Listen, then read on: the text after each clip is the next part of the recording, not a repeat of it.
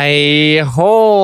Nå er det jul igjen, kjære venn, kjære fantasivenn, kjære lytter. Hjertelig velkommen til vårt juleverksted! I dag så ringer vi julen inn, og vi ser inn i glasskula og skal lage den perfekte slagplanen for julens og romjulens fire fantasyrunder. Nå tar vi bare alt og samler det, Mina. Og ingen juleavslutning, ikke noe juleverksted uten julekaker. Jeg ser at du har tatt med deg Jeg har tatt julebakst. med. Hører dere den her? I boksen her så er det deilige krumkaker. Mm. Det er fantastisk. Jeg tar den allerede. Det er veldig bra. Hvordan, eh, Er du klar for jul, Mina? Det er en uke igjen til julaften. Jeg er kjempeklar til jul. Jeg skal snart hjem til Lillehammer. Det er kanskje Norges fineste juleby. Det er utrolig hyggelig. Eh, Ja. Og så er det jo familie og bikkjer og alt sånn eh, også. Og så blir det å se litt fotball med brutter'n og fatter'n. Så det blir veldig stas. Mm. Eh, Og så har jeg hatt, tatt med meg en eh, venn til juleverkstedet vårt. Det, det har du. Det er Det veldig, veldig hyggelig. gjøre. Jeg bare merker at eh, krumkaker er ikke sånn podkastmat. Hvem skulle det, trodd? det knitrer og det knaser. Eh, For dette er en spesialepisode, det må vi si. Vi skal dekke det berømte juleprogrammet. Og det er altså runde 18, 19, 20 og 21. Det er jo kamper som kommer like tett som overpris av julekonserter i gamle kirker før jul.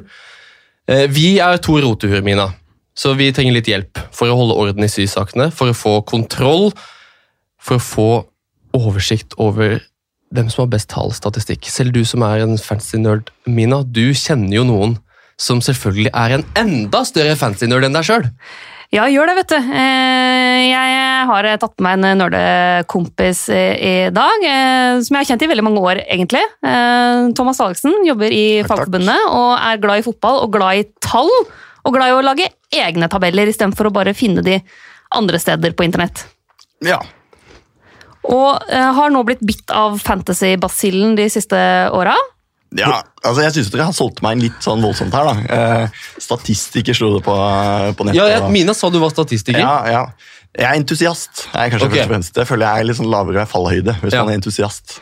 Men Eh. på et nivå hvor du sitter og plotter egne tall og statistikk Ja. for å lage fancy grafer. Og det er et nivå vi ikke er på i det hele tatt. Ja. Nei, det kan godt hende. Jo, Mina gjør jo det på ukentlig basis her i, her i Ja, studio, det er egentlig meg jeg sitter til, ja. Idioten på hjørnet her. Men Thomas, hvem, hvem er du? Du jobber i Fagforbundet. Jeg jobber i Fagforbundet. Jeg er eh, ja, en eh, statsviter som har forvillet meg inn i fagbevegelsen. Uh, skulle egentlig vært på, på julelunsj nå. Ja. Sittet og drukket akevitt på Youngstorget. Men eh, jeg er her isteden og spiser krumkake med dere. Ja, Vær så god, ta en krumkake. Eh, ja, Det gikk jo ikke så bra når du spiste den, da, sånn lydmessig. Eh, nei, eh, og jeg er egentlig ganske fersk i fantasy-gamet. Eh, men altså, jeg jobber Jeg jobb, har en jobb hvor jeg, hvor jeg driver og programmerer i et uh, statistikkspråk som heter R. Eh, ironisk nok den bokstaven jeg har mest problemer med å si. Å, endelig er vi flere! Eh, eh, og, hvor, eh, og hvor fantasy har på en måte vært en mulighet til å kunne leke seg Ja. med, med ting, egentlig, ting som vanligvis er jobb. Ja, Eh, men hvor man kan liksom lære noe i samme, samme slengen. Okay. Så jeg har egentlig bare spilt fantasy aktivt i, i to år. Ja. Hvordan har det gått, da? Nei, I fjor gikk det til helvete. Eh, Da lagde jeg meg en sånn modell som, eh, som skulle fortelle meg akkurat hvilke spillere jeg skulle velge. Ja. Um, og, og det gikk litt så som så. Eh, det gikk faktisk bedre enn det hadde gjort eh, Jeg har spilt sånn eh, noen runder tidligere i år også. eh, sånn ut i september og så gitt opp. Um, så det, var, det som var nytt, var at jeg, jeg holdt ut lenger, da. Men, eh, men det gikk veldig dårlig. Ja. Eh, men nå, som jeg, nå har jeg prøvd å spille litt mer eh, Litt mer avslappa til de tallene. Se på de istedenfor å la de bestemme alt. Ja. Eh, og da går det litt bedre. Jeg var skeptisk når Mina spurte meg om jeg ville være med. Men, eh, men eh, jeg var liksom akkurat når jeg så at jeg gikk akkurat forbi henne på, Ja.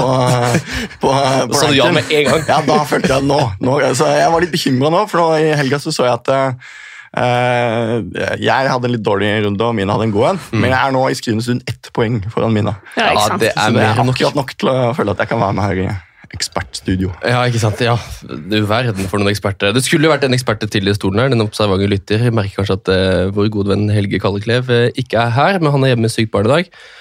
Men uh, Helge har sendt seg sine innspill, så det kommer, det også. Litt sånn fra jokernissen? eh, jokernissen. Litt sånn brev fra ja. julenissen som som kan dryppe inn gjennom eh, programmet. Men målet vårt nå er jo å prøve å se litt framover. Mm. Og prøve å få litt oversikt over de kampene vi skal inn i, Mm. egentlig. Men Thomas, du, har, du er interessert i tall, du syns det er gøy å plotte inn, og du synes det er gøy å spille. og sånn, så om, om du spiller med hjertet eller med hodet, det er vel et dumt spørsmål. regner jeg med. Ikke egentlig. Altså, problemet mitt er jo at jeg, jeg har lyst til å spille med, med hodet, men, eh, men det er jo ganske vanskelig. Ja, det er det! Ja, fordi, eh, fordi man blir jo hele tiden offer for sine egne, sine egne bias, i mangel av et Ja. bedre norsk ord. For hvilket lag holder du med? Jeg er Tottenham-fan, eh, og, og jeg er småbarnsfar, jeg også. Så det er liksom begrenset. Jeg, jeg får til nøds liksom skvist inn en Tottenham-kamp hvis jeg har, eh, hvis de har liksom passet på å ta ungene nok eh, på et annet tidspunkt i løpet av helga. Så det er veldig, det er veldig skeivt hva jeg får med meg av fotball. Ja. Eh, så da, er det, da starter jeg hvert år med at jeg er superpositiv til de, eh, de Tottenham-spillerne som jeg så i preseason. og Ja. uh, Kane skal selvfølgelig innfri nå plutselig uh, igjen. Uh, og så laster jeg opp laget mitt med det, og så, og så pleier det å gå deretter. Mm. Så for meg så er jo dette med tall litt sånn en måte å se litt større på det, og, Ja. og ikke bare liksom følge med på de jeg, de jeg vanligvis følger med på. da. Mm. For det, Vi har jo diskutert det før, Thomas. for det er jo ganske vanlig at altså, Vi mennesker er, vi er ganske gode til å ta til oss informasjon. Men vi er ikke så gode til å skjønne at den informasjonen vi har, er begrensa. Mm. At vi er veldig flinke til å overgeneralisere. Sånn, ja, jeg syns Tottenham ser dritbra ut, så Tottenham-spillerne er sikkert de beste å velge på fantasy. Ja, ja. Uten å forholde deg til at det Det er veldig mye meg, du ikke har sett. minner meg om veldig brutale tilbakemeldinger jeg fikk av seksåringen her om dagen. Hun hadde vært på skolen og fått, eh, fått vite fra klassekamerater at Tottenham faktisk ikke er best. Å nei! Så det var eh, Til nå hadde jeg på en måte fått eh, være hele hennes virkelighet om fotball, men, Mm. men ikke nå lenger. Ikke noe lenger. Men du har Hva er din strategi her, da? Til å, hvordan bruker du på en måte statistikken din? Eller det, det du mener som er god statistikk? For all statistikk er jo god statistikk, regner jeg med. Ja. Nei, altså, det er jo det som er problemet her, da, å skille ut hva er det som, eh, som kan uh, predikere hva som skjer i neste runde. og det, det er ikke så lett, og det er særlig ikke lett i en idrett som fotball, hvor så mye faktisk er uh, tilfeldigheter. Mm. Um, uh, og det er litt morsomt, for En en av hovedgrunnene til at, at det er så mye tilfeldig fotball, er jo at det er så få mål. Mm. sånn at, og når det er få mål, så betyr det at tilfeldigheter spiller en stor rolle. At ja, Uh, Traff du stolpen, så, så ble ikke det mål. Traff du ikke stolpen, så ble det målet som kanskje, som kanskje avgjorde kampen. Mm. Um, så de som har forsøkt å, å regne på det og, og modellere sånn, har jo funnet ut at fotball er 50% tilfeldigheter og 50% dyktighet. Mm. Akkurat det Magnus Carlsen forklarte med hvorfor han har blitt så god i, har så god fantasy-sesong, det er 50 stats og så er det 50% magefølelse. Ja, Han har sikkert, uh, sikkert lest noe sånt, han også. Ja, ikke sant? så det er, det er noe av det samme. Det kjenner, jeg synes jeg kjenner, jeg kjenner det igjen her. Uh, Magnus Carlsen, som for øvrig er oppe, oppe på tredjeplass nå. Var på, han var nummer én i verden på lørdag. ja. ja. Oppdaterte Twitter-bioen sin. og Ikke greier. sant? Sala som kaptein, selvfølgelig, hadde han. Um, det hadde ikke du, Mina, i helga. Jeg hadde Sadio Mané, som jo scorer, men så er arm, armhula hans i eh, offside. Mm. Så da ble det ikke noe mål allikevel, men fikk med meg en assist og ett poeng for clean shit, som jo gjør at eh, Jeg jeg var litt redd for at Vardi skulle straffe meg voldsomt. Men da ender jeg opp med to poeng mer på Mané som kaptein enn jeg ville fått hvis jeg som nesten alle andre hadde kapteina Vardi. Mm. Jeg har, eh, jeg har bytta ut Mané i et, i et litt sånn offensivt forsøk på å få nok penger til å få Kane til juleprogrammet. Ja. Så om det er, eh, om det er hjertet eller, eh, eller huet som eh, bestemmer det, det, ja, det er kanskje litt mye hjerte. Mm. Men hvilken ranking har du nå, Mina, før, vi, før det blir jul? Eh, Da går jeg inn på nummer- på eh, 466 000. Ja. Så et stykke unna der jeg bør være, men eh, grønn pil, fornøyd med det. Tok inn Kevin De Bruyne for Stirling, fornøyd med det. Da har du kommet langt nok ned til å få meg med i studio. vet du. Du har ett poeng mer, eh, Thomas, enn mine totalt. Ja, jeg har eh, 956 poeng. Hvor mange var det du hadde? Det er 955, ja. Ja, ett poeng vel. Så det er 458 000, så det er jo et par tusen bare på det. Mm. Nesten 10 000 på ett poeng. Ja. Hvem hadde du som kaptein i helga, da? Nei, jeg hadde, jeg hadde Vardy. Ja. Og det har jeg planer om å ha lang tid fremover. ja. Han Fordi- eh, selger bare en assist mot Norwich, du blir ikke skremt av det? Nei, eh, jeg gjør ikke det. eh, fordi at eh, altså, Sånn som jeg hørte jo dere snakket om Carlsen, at en av grunnene til at Carlsen gjorde det så bra, var at han er kaptein av folk på midten.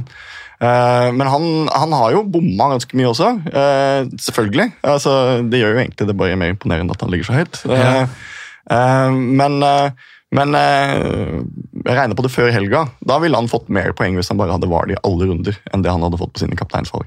Så gjorde Mm. jeg Salah det godt nå i helga, da, så nå Mm. ligger han litt foran det igjen. da. Men, Mm. Ja. Så det at han ikke har kaptein av Vardy, er egentlig han kunne Han hadde, hadde fått mer poeng. Mer poeng. Ja. Mulig Magnus Carlsen klarer liksom å se inn i fremtiden i større grad enn oss, men, eh, men jeg tror generelt det der å, det der å velge noen, eh, se hvem som gjør det bra, og, Mm. og velge dem og bare la det stå på dem, og Mm. det tror jeg er lurt. altså. Ja. Istedenfor å prøve å være kjempesmart. Ja, Istedenfor å prøve å være smart hver runde. Det, Jeg prøver på det hver runde, og jeg er faktisk ikke så langt unna å få til noe. For denne helga her så har jeg tatt over ledelsen i den utrolig dårlige ekspertligaen vi har internt her i TV 2. Eh, nå er jeg best av de såkalte ekspertene på huset mine. Det er jeg veldig fornøyd med. Ja. Jeg bare si det. Jeg har 900, eh, hadde 995 poeng før Crystal Palace skulle møte Brighton hjemme mandag kveld. Satt igjen med Martin Kelly og Luka Milivojevic på laget og tenkte her blir vinner Palace 1-0. Milivojevic jo på straffe. Det skjedde ikke, så da bikka jeg akkurat ikke 1000 poeng. Så jeg har 999 poeng. Ranking 112 000. Og det vet du, jeg er kjempefornøyd med det. Ja, Det ja, ja. det er en, god, et god, en god start for å ta um, jula Få jula i fanget, alle julekampene der. Um, men du spiller med magefølelsen, først og fremst. Eller? ja. Fordi- Jeg syns det er morsommere å høre på magefølelsen enn å høre på statistikk. Eh, Har dere spurt Carlsen det her? Har ikke han vært der og prata om sånt før? Han har ikke det Nei. Han er for, opptatt av å spille sjakk. Ja. Han har en annen jobb, Ja. i motsetning til Ja, oss. men det ser ut som på Twitter-bio og sånn da, at han bruker mye tid på fantasy om dagen. Ja, han gjør nok det. Så vi må prøve igjen. Men eh, nei, fordi at, eh, fordi det synes jeg, jeg synes det er veldig fascinerende, og jeg synes det egentlig er veldig fascinerende at han gjør det så bra. Fordi, eh, fordi eh, altså Jeg tror det er litt det vi snakket om i stad, at, eh, at jeg ser ikke nok fotball til å få med meg alt. Ja. Men jeg tror de som er gode, og de som får sett mye fotball, så er det noe med liksom mønstergjenkjenningen i huet. Gjør at Ja. du liksom intuitivt klarer å lese, lese spillet og se hvem det er som, som Mm. gir flest poeng. Okay. Jeg ser liksom for meg at Carlsen det er jo det som gjør han god i sjakk. Det er jo det der å Mm. se, se mønstre. Eh, eh, og liksom ta det helt intuitivt. Eh, og jeg lurer på om det er liksom sånn han spiller fantasy òg. Mm. Selv om jeg har hørt han sitter og ser på oppda og sånne ting. Ja, Men det aner meg at du ikke er så fan av Thomas. Eh, spillere med lav eierandel. Altså såkalte differensialer, de som ikke så mange har. ja, av- Siden du, spør, du spurte om jeg spilte med magefølelse. Ja, ja. ja nei, Dere snakker jo stadig vekk om, om differ. Jokere Eh, og jokere joker og det ene med andre. Og, og ja, Kalle Kleiv skulle vært her og Kalle Kleiv skulle vært her og tatt, dratt opp noen av sine Dunk eller eh, Walker Peters eller hva det er han Mm. driver og setter som kaptein. mm. Men, eh, men sannheten er at det funker jo veldig sjelden. da. Eh, eh, Ja, det gjør det. og, eh, altså det, så jeg tror at det der og jeg tror eh, eierandel, lav eierandel er noe av det siste du skal se på når du skal velge, skal velge spillere. Nei, nei, nei. Men Det er hvorfor, hvorfor er det Nei, altså det du må spørre deg da, Hvis du skal prøve å tenke analytisk, det er eh, eh, hva er alternativet til å velge? Altså Bytter du ut en eller annen med høyere eierandel da? Så må du spørre deg hvem av disse har størst sjanse for å ta flest poeng i neste runde. Mhm. Eh, og Hvis det da av en eller annen grunn er den diffen, så er det greit nok. Da, da kan du velge han. Ja. Men som oftest så er det jo fordi du gambler og tenker at åh, det, her, må det jo, her må det jo slå til. Dette må jo, Mm. dette må gå bra. Og da, det jo, da, går det jo som ofte, da går det oftere dårlig enn det går bra. Ja. For du er jo en av fem som gambler på at de hundre andre tar feil. Ja, For å trekke det litt ned i mindre tall, i mindre skala. Ja og så er det jo altså det er litt sånn som med sånne enarma banditter eller sånn spilleautomater på danskefarga, at de blinker veldig. Eh, når du vinner, så Du husker veldig godt når det klirrer i den der eh, eh, myntkassa under deg, men, men, eh, men du husker ikke alle de gangene du har trykka det eh, ikke gikk bra. da. Eh, ja, Så vi husker den ene gangen en eller annen sånn Ja. uten, med ingen eiere, eierandel på 1% faktisk funka, og alle de gangene det gikk åt skogen, har vi Yes, glemt. Yes, og Det er også litt sånn faren i og med at vi snakket jo med om at fotball er så mye eh, flaks eh, og dyktighet. Mm. Men Da kommer jo gjerne flaksen på toppen av dyktigheten. så Hvis du sitter sånn og, og analyserer og ser på de som gjør det best, f.eks.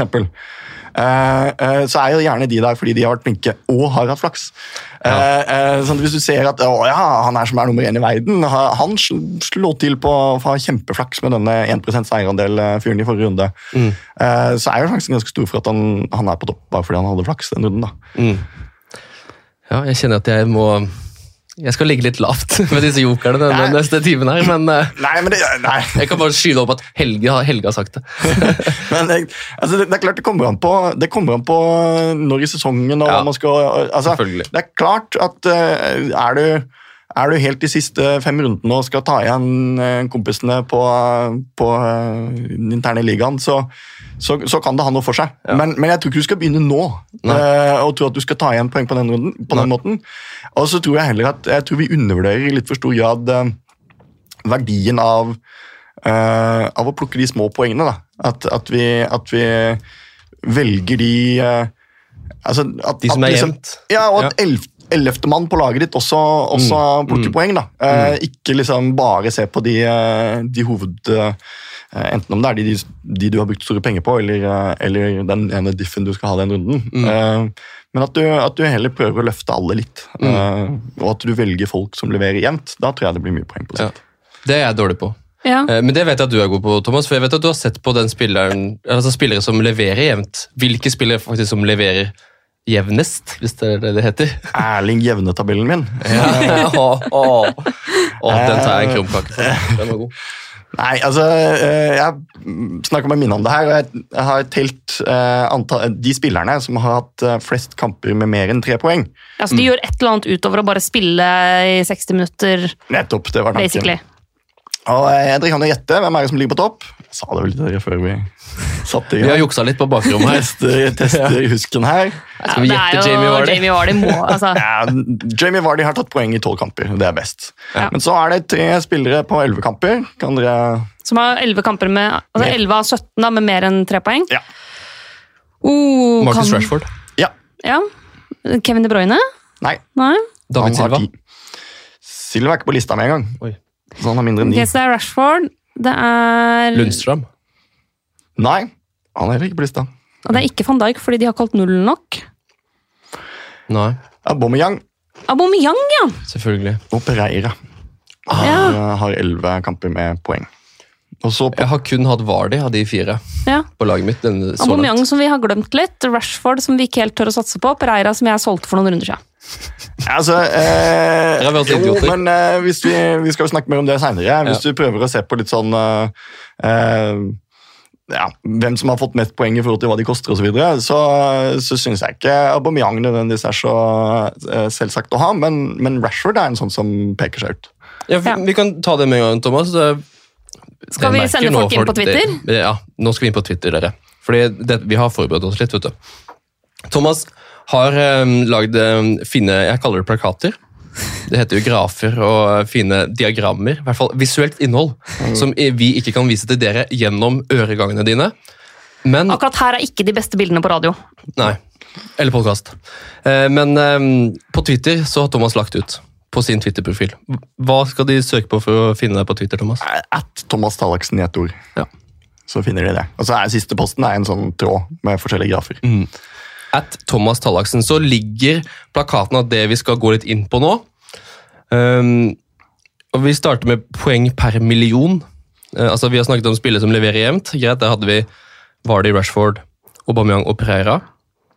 Men spillere da som har levert best ut fra hva de koster, er jo ofte gullgruven til å gjøre det bra i fancy. Ja, og jeg, jeg kan bare begynne med å si, eh, for du spurte meg i stad om Uh, hvordan jeg bruker stats for å, for å velge lag. Eh, og, og som sagt, i fjor så var det mer sånn bruk et tall, og så, og så la det velge. Men jeg tror det som det jeg har mest eh, moro med, det er å sitte og lage sånne grafer som det her. da. Eh, eh, og, og, og kna tallene, fordi at det du Eh, Det du ender opp med da, er altså det å visualisere hvordan utviklingen i poeng til forskjellige spillere er, det å se på ting plottet mot hverandre, som jeg gjør her. eh, Det, det gir deg sånne, en, en litt sånn uh, mer intuitiv forståelse for, uh, for, for avstander, da, for eksempel. Ikke? At, eh, at du kan se et tall på at denne personen har så og så mange mer flere poeng enn den andre, men det er ikke hjernene våre er ikke så flinke til å liksom, ta til seg de, de dataene. Så da er det gøy å gjøre sånn, og plotte ting. da. Mm. Eh, Så den grafen du snakka om, og som ligger på, på Twitter, der har jeg tatt uh, totalt poeng hittil. Uh, langs den ene oppover. Mm. Uh, og så har jeg tatt uh, kostnaden deres eh, nå Mm. bortover. Mm. Eh, og så har jeg til og med laget sånn at liksom, dotten blir større. Ja. Jo flere poeng de har tatt per million. Eh, Ok, Så de med størst dot er de som på en måte har vært mest verdi for penga så langt? ja. Eh, og så ser du jo oppover er jo de som på en måte har tatt flest poeng hittil. Mm. Så helt nede i eh, høyre hjørne så finner vi en bitte lille dotten Aguero. eh, eh, som, har, som har gitt veldig lite, eh, veld, veldig lite poeng for pengene hittil. Ja. Jeg hadde han i starten. Ja, da, jo, da, Da var du helt on fire. ja, ja. da ga han mye poeng. Ja.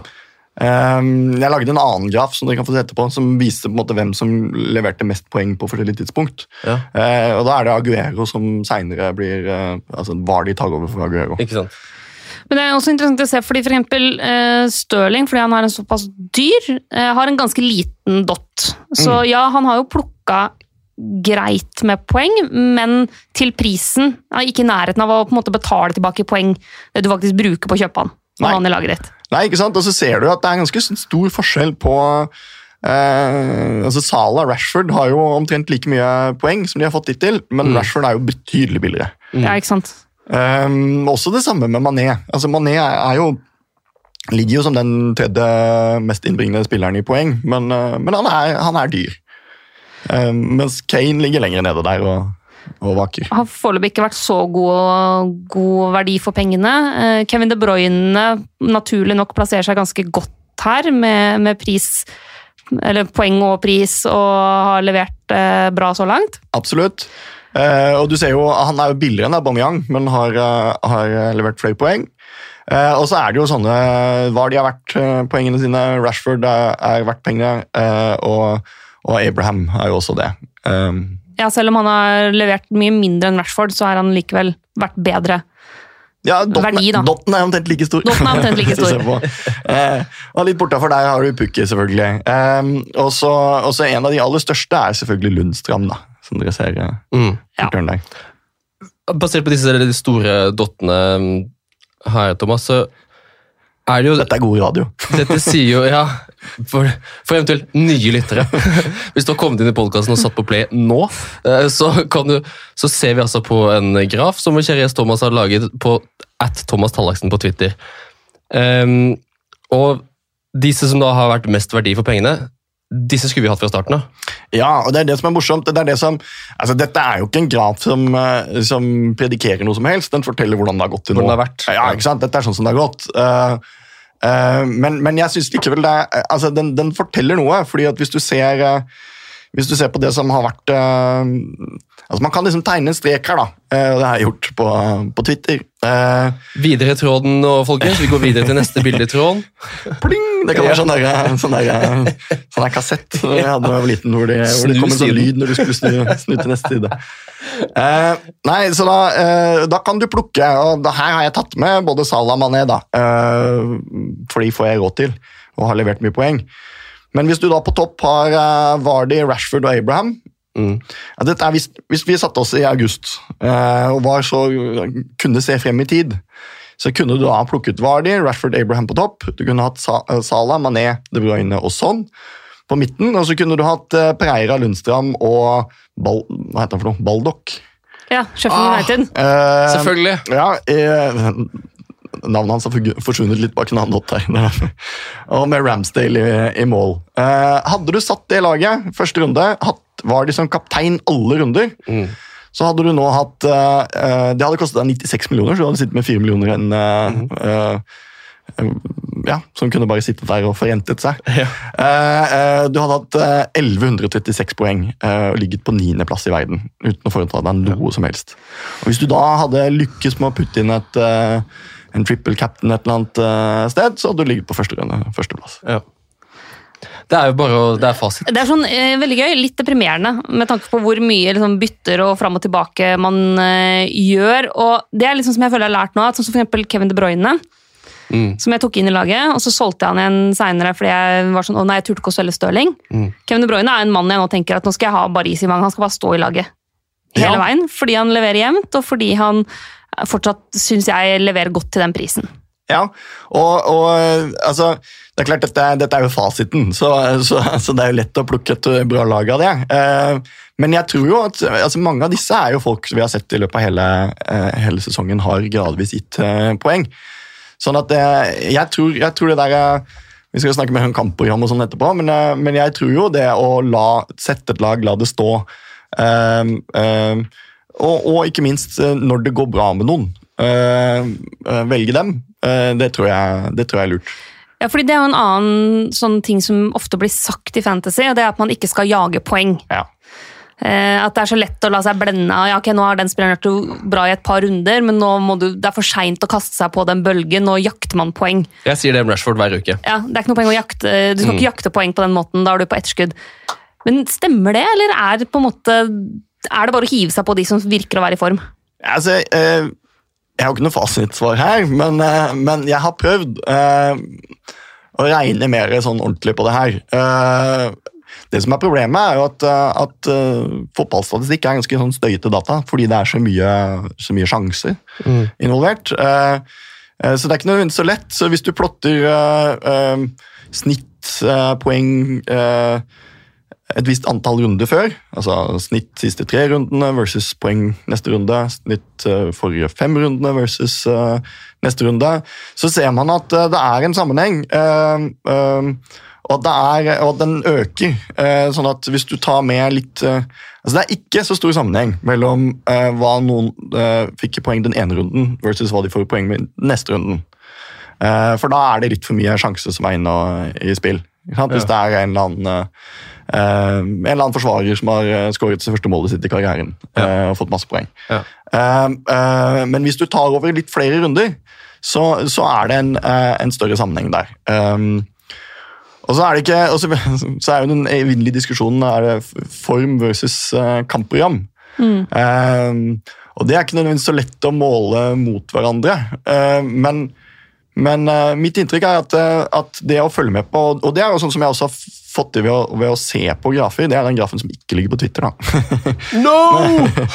men uh, men hvis, man, hvis man plotter poeng over tid eh, Nå kan dere få lov til å se den, som ingen andre får se. Jeg kan twitre den etterpå. Ja, du må legge den ut etterpå. Ja. Eh, eh, det er på en måte eh, poeng, poengfangsten over tid. Så her ser du Der har du Aguero som dyp, dabler blir det av, Aguero, folkens? Og så, er det ingen som ser det. Og så stiger Vardy der. Eh, eh, poenget mitt er jo bare at eh, når man ser på de graffene, som ikke dere klarer å gjøre over radioen eh, Men det, hvis du legger det legger på det Twitter ut. etterpå, så legger du ut ja, når folk ja, gjør dette. Yes. det skal vi fikse. Poenget er bare at, at du, altså, du ser jo at det er en jevnt stigende kurve. Ja. Så de som leverer, og de som får mye poeng, de har jo levert gjennom hele, eh, hele, hele sesongen. Det, eh, så det er jo noe som er forutsigbart. Men det eh, er vel fordi det er de beste altså, Nå snakker vi om Aguero, hva er det vi snakker om de beste Ja, spillerne ja. i ligaen? og, og det er jo en av de sterkeste sammenhengene du finner, hvis Ja. du plotter eh, pris mot, eh, eh, mot eh, poeng. Eh, så det er noe der. Eh, men men Så du eh, mener man, man kan fint jakte poeng? ja, altså Hadde du hatt uendelig eh, hadde du hatt uendelig med penger, så hadde du selvfølgelig bare valgt de dyreste, dyreste spillerne og hadde antakeligvis eh, tatt, eh, tatt Mm. mye poeng. Men, men når vi ikke kan det, så må du, så må du eh, jakte på det formspillerne. og du ser jo at altså, Det som gjør spillere dyre, er jo at de leverer høyt hele tiden.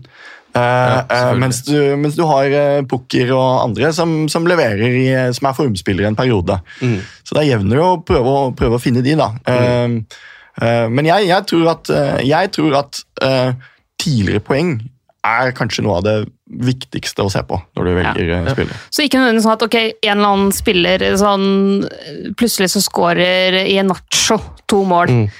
i en kamp. og Det er ikke da man skal hive dem på, men når f.eks. Danny Ings, da, eh, som jo har vært bra lenge, men når han hadde hatt tre kamper på rad med scoring, så kunne vi føle oss, eller med grei poengfangst, så bør man føle seg ganske trygg på at ok, her er det verdt å ta sjansen, for nå er det over tid. Det er mer enn én kamp, men hvis du har, begynner å få tre-fire kamper hvor man eh, leverer bra, så er det kan man i hvert fall føle at det er ganske stor sjanse for at jeg kommer til å fortsette litt til. Ja, og så ser du jo på hvilket lag som gjør det bra og ikke. Altså, eh, det er jo ikke veldig overraskende at, eh, at når vi så at Leicester begynte å gjøre det veldig bra Hvis man kastet inn på spillere fra Leicester, så fortsatte de å gjøre det bra. Eh, og, det samme, ikke sant? Så det å følge litt med på hvordan det går med laga og, og formen, og, og prøve å liksom eh, se litt inn i fremtiden der, det er, det er jo selvfølgelig lurt. Så da, da kan man jo diskutere hva kommer til å skje med Chelsea nå, f.eks. Mm. Og det er eh, et av de spørsmålene vi skal ta med oss inn eh, eh, videre. Eh, Hvis eh, du ikke har skjønt det før nå, så har du skjønt at denne halvtimen allerede, vi allerede har lagt bak oss, er en del av en episode som er utenom det vanlige. Eh, Spaltene våre har fått juleferie. Eh, Vi bruker mesterhjernen i rommet her, som beklager Mina, eh, er Thomas eh, sin, på best mulig måte. Så det er en, sånn, det er en slags meta-episode, det her med litt sånn tweet, så det, hvor vi ser på dine grafer på Twitter-kontoen din, Thomas, at Thomas Tallaksen, hvis du ikke har fått med deg det ennå, så kan du se på de samme grafene som oss, og høre våre tanker om det. Når vi nå går over til å snakke kampprogram, mm. de neste fire er jo juleprogrammet 18, 19, 20, 21. Etter runde 21 så er det 3. januar og 2020 og hei hvor det går. Eh, Vi har tatt med de neste fem rundene på tallene som vi har bestilt på forhånd fra eh, Thomas. Eh, Vi har jo selvfølgelig juksa litt. Så vi skal gå gjennom kampprogram til lag. Se hvordan kampprogrammet ser ut. Det, ser det bra ut? Ser det dårlig ut? Og hvilke spillere er det som seiler opp som gode eller dårlige valg? Og så har jeg fått noen innspill fra Helge Kalleklev på kant på sida her som jeg skal skyte inn til dere som er på jakt etter jokere i jula. Og så skal vi prøve å lande på begge beina før julaften. Vi får se. Så eh, det er planen eh, videre. Mm, Og grunnen til at vi har lyst til å dele det opp, eller vil du klappe først? Nei, jeg trenger ikke å klappe. Grunnen til at vi har litt lyst til å dele det opp, eh, eller gjøre litt Jeg vil gjerne klappe meg selv. Ja. annerledes rundt kampprogrammet, er fordi du har jo den på, Inne på Fantasy Premier League så har du en sånn fargekoding på kampprogram. Altså det er fra lysegrønt til mørk burgunder. Men jeg og flere andre syns at den ofte er ganske litt upresis. Mm. Og at det er veldig vanskelig å si at ok, men er dette en lett eller vanskelig kamp? Nei, det avhenger jo litt av om du har tenkt å ha forsvarsspillere eller angrepsspillere fra det laget. Mm. Fordi en kamp kan være, La oss ta Chelsea som utgangspunkt.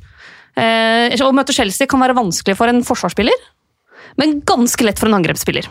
Fordi de slipper inn så mye mål. Mm. Så Thomas, er, du har sett litt på å skille det opp i defensivt og offensivt når vi ser på kampprogrammet. Ja, altså Noe av bakgrunnen var jo at eh, jeg satt og prøvde å se på hva som hadde størst sammenheng. eh, Om det var form eller om det var eh, program. Og jeg fant veldig lite Det var veldig lite sammenheng mellom programmet og hvordan folk, folk leverte. Um, eh, Det er det nok flere grunner til. Um, Og, og man kan jo før vi begynner å snakke om program, så burde vi egentlig snakke litt om hvor mye har program å si. Ja, Eh, ja. Fordi fordi at eh, det jeg tror man skal eh, tenke litt over, det er hvor, hvor lenge har du en spiller i laget? Jeg tror du jevnt over har spillere ganske lenge, med mindre du sitter Du kan selvfølgelig ha et lag som står, og så kan du ha noen spillere som du, som du plasserer etter programmet. Eh, da vil det jo funke bedre. Mm. Eh, men jeg tror jevnt over at du har spillere ganske lenge. Eh, og også hvis vi så på de her graftene grafene som vi så i stad, så er jo det spillere som har levert ganske jevnt gjennom, Mm. gjennom sesongen. Så jeg er jo på jakt etter de. Men det er klart, hvis, du skal, hvis du skal bruke et wildcard, hvis du skal Du kan også vurdere med når du setter spillere innpå og ikke. Der er det åpenbart noe å hente på, på kampprogram. Mm. Men, men det er veldig mye som skjer, og det er jo litt sånn der, eh, tall versus magefølelse igjen. da. Altså, det som er fascinerende med huene våre, er jo at vi, vi tar jo med oss veldig mye info når vi sitter og ser på noe. Eh, versus hvis du bare skal lese et, eh, et tall. da. Eh, og, og det som er krevende når du begynner å lage sånne eh, kampprogramstatistikk, og sånn, er jo at det er jo altså, du må, Hvem er det som spiller mot hvem? Uh, er, det, er det et godt lag som spiller mot et dårlig lag? Er det et lag som spiller offensiv fotball mot et lag som, dårlig, uh, som, spiller, eh, som legger seg dypt, eller som går høyt i banen? eller Altså Alle de tingene der er, avgjør jo uh, hvordan den miksen mellom de to lagene blir. Eh, Godt eksempel så vi jo på Emirates uh, på søndag. Mm. Uh, City bort mot Arsenal. Det var vel en rød kamp for Manchester City. ja, ikke sant? Skulle vært ganske grønn. Fordi, eh, fordi de eh, Det er mer er enn bare navnet på papiret. Ja, og Arsenal-angriperne går jo ikke tilbake i det hele tatt. og ja, Mm. det er Bare kaos. Jeg synes vi skal starte med det defensive kampprogrammet. Lista du har laget over um, de neste fem rundene. Um, det ligger på Twitter, folkens. Ligger i tråden til Thomas, at Thomas Tallaksen. Forklar den lista vi, jeg får opp foran meg her. Beskriver Du skriver det defensive kampprogrammet neste fem runder. Her er det om å gjøre å spille mot lag som skårer færrest mulig mål, og har lav offensiv score. Altså det Jeg har gjort, eh, jeg er ikke så veldig god til å regne på ting, men det jeg er god til, det er å kna tall og hente tall fra andre steder og så putte det sammen. Så Det jeg bruker her, det er eh, 538 og en Nate Silver sin Soccer Power Index. Det høres veldig fancy ut. Eh, og det er egentlig ganske fancy, fordi eh, Nate Silver han er en sånn prediksjonsguru borti USA. Eh, og de, eh, I USA så er de jo veldig gode til å De holder masse på med sånne stat i sporter og Mm. Um, og ikke minst fantasy. Mm. en enorm andel av befolkningen som driver og spiller, uh, spiller fantasy borte i USA. Uh, men den, den ratingen de har laget, da, de, de har en offensiv rating uh, som er det antall mål et lag er forventet å skåre mot et gjennomsnittlig lag på nøytral bane. Ok. Altså, så har du tatt bort hjemme-bortefordel og sånne, sånne ting. da. Uh, mens den defensive ratinga er det antall mål eh, de er forventet å slippe inn mot et uh, gjennomsnittlig lag på en, kamp, eh, på en nøytral bane. Per kamp, selvfølgelig. Eh, så det jeg har gjort, er å hente inn disse tallene eh, for kampprogrammet fremover for de forskjellige lagene, og så lage et snitt for de neste fem. Eh, som gjør at du får, eh, du får eh, Skal vi ta den Best offensivt program. Da er det jo den defensive ratinga jeg ser på.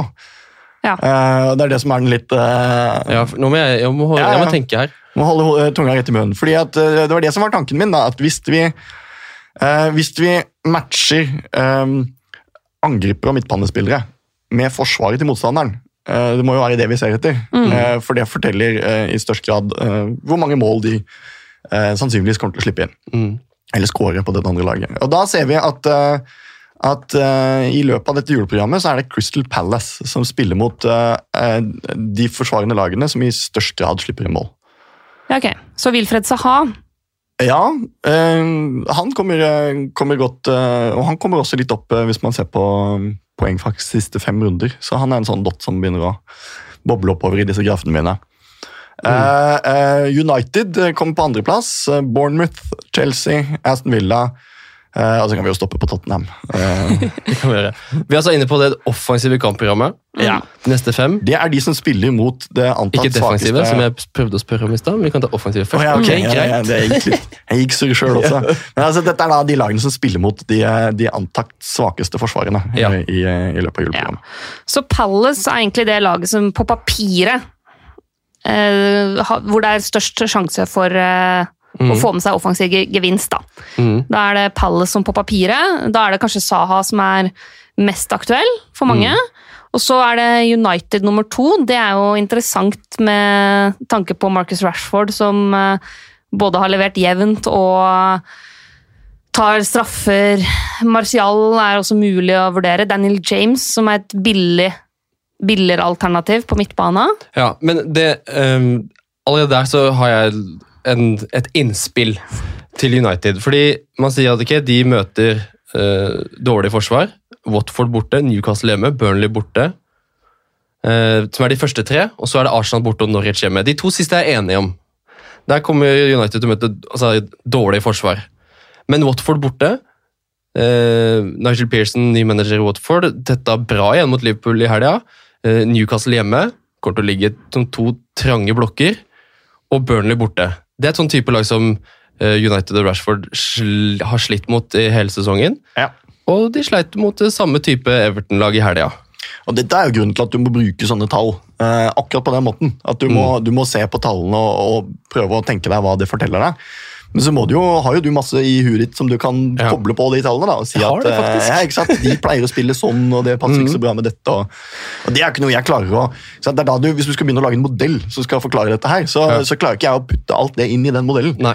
Uh, uh, men, men jeg tror det, det sånne tall kan bidra med, det er å, å uh, hjelpe deg med å tenke på hva som er viktigst. Mm. og, så, og så prøve å legge på litt av disse andre Mm. tingene som du, du tenker på.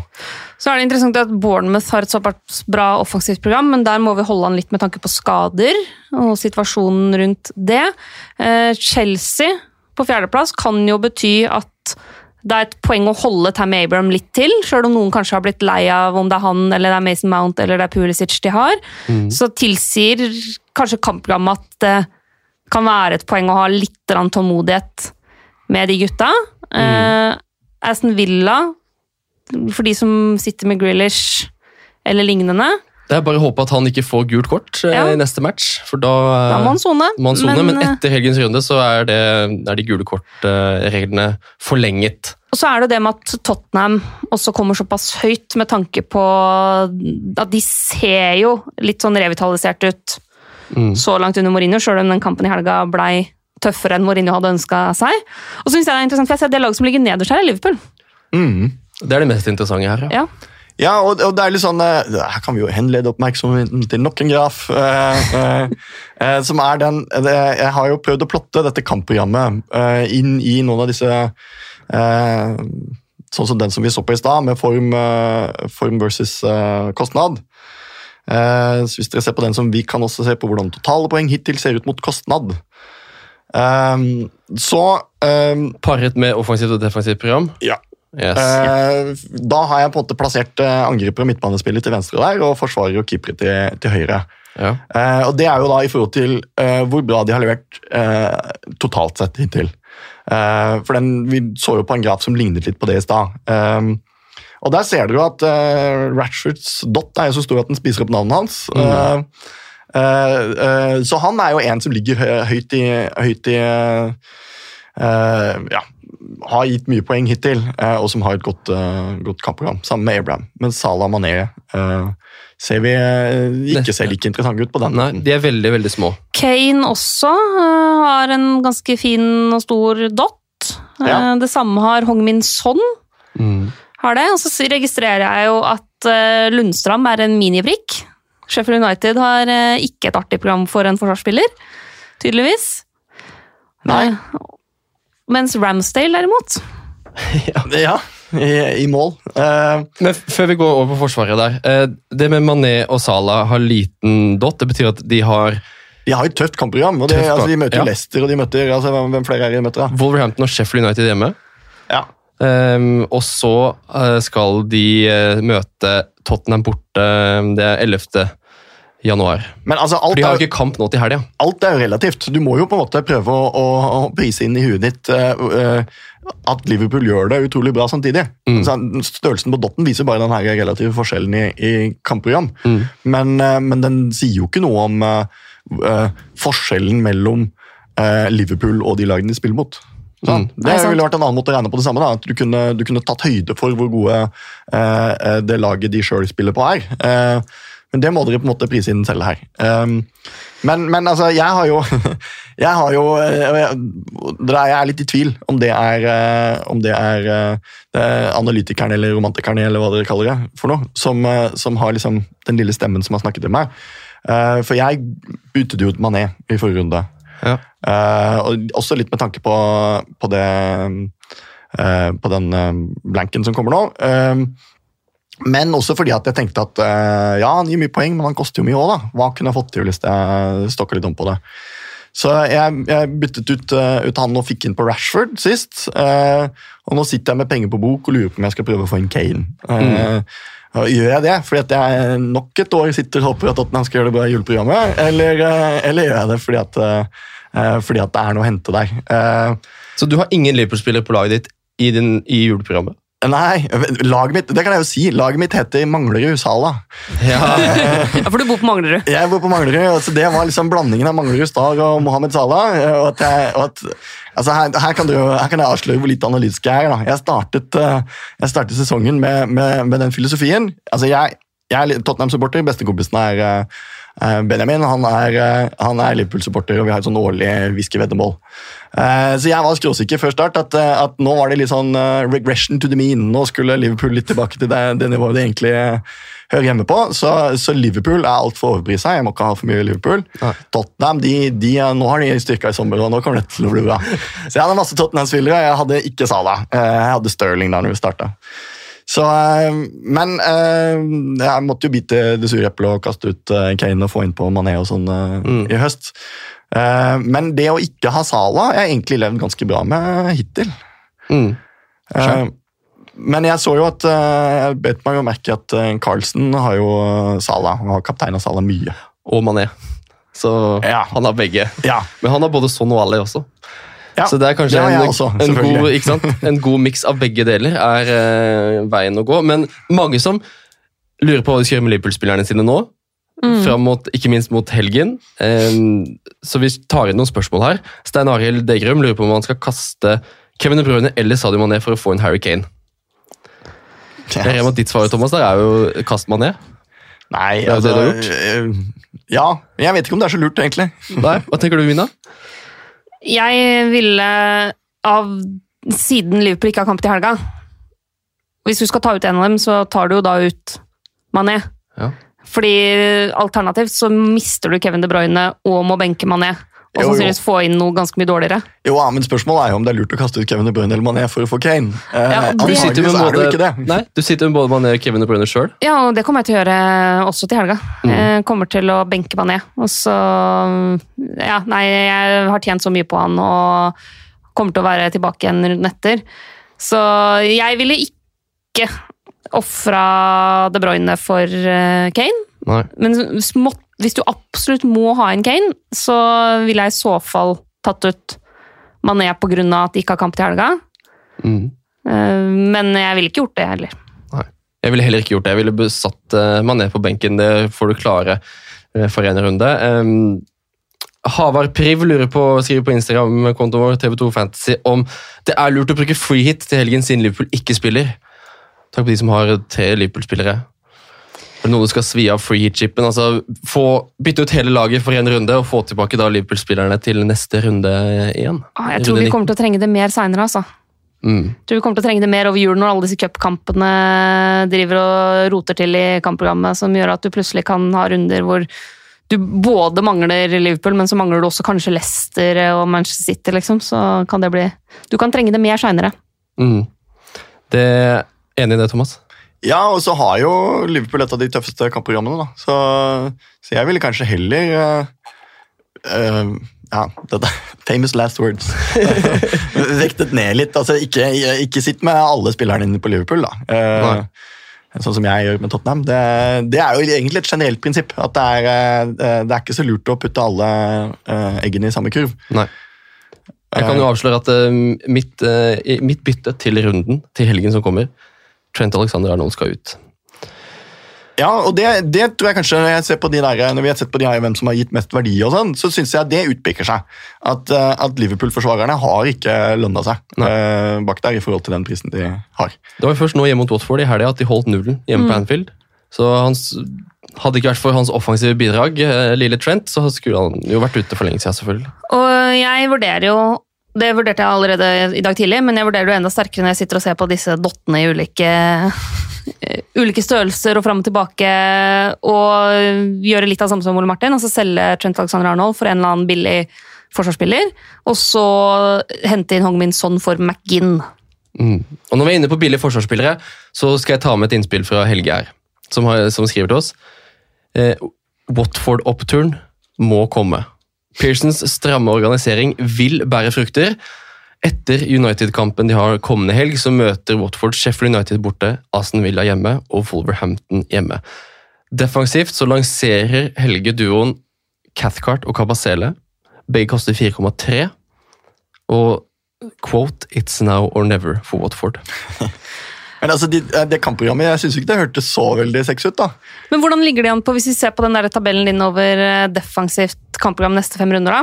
Skal vi se Eh, hvordan eh, ligger eh, Watford an Altså Watford- Watford-forsvaret, hvor havner de på lista over eh, enklest kampprogram? Nei, ganske bra. De ligger på fjerdeplass, Ja, eh, så det er sant.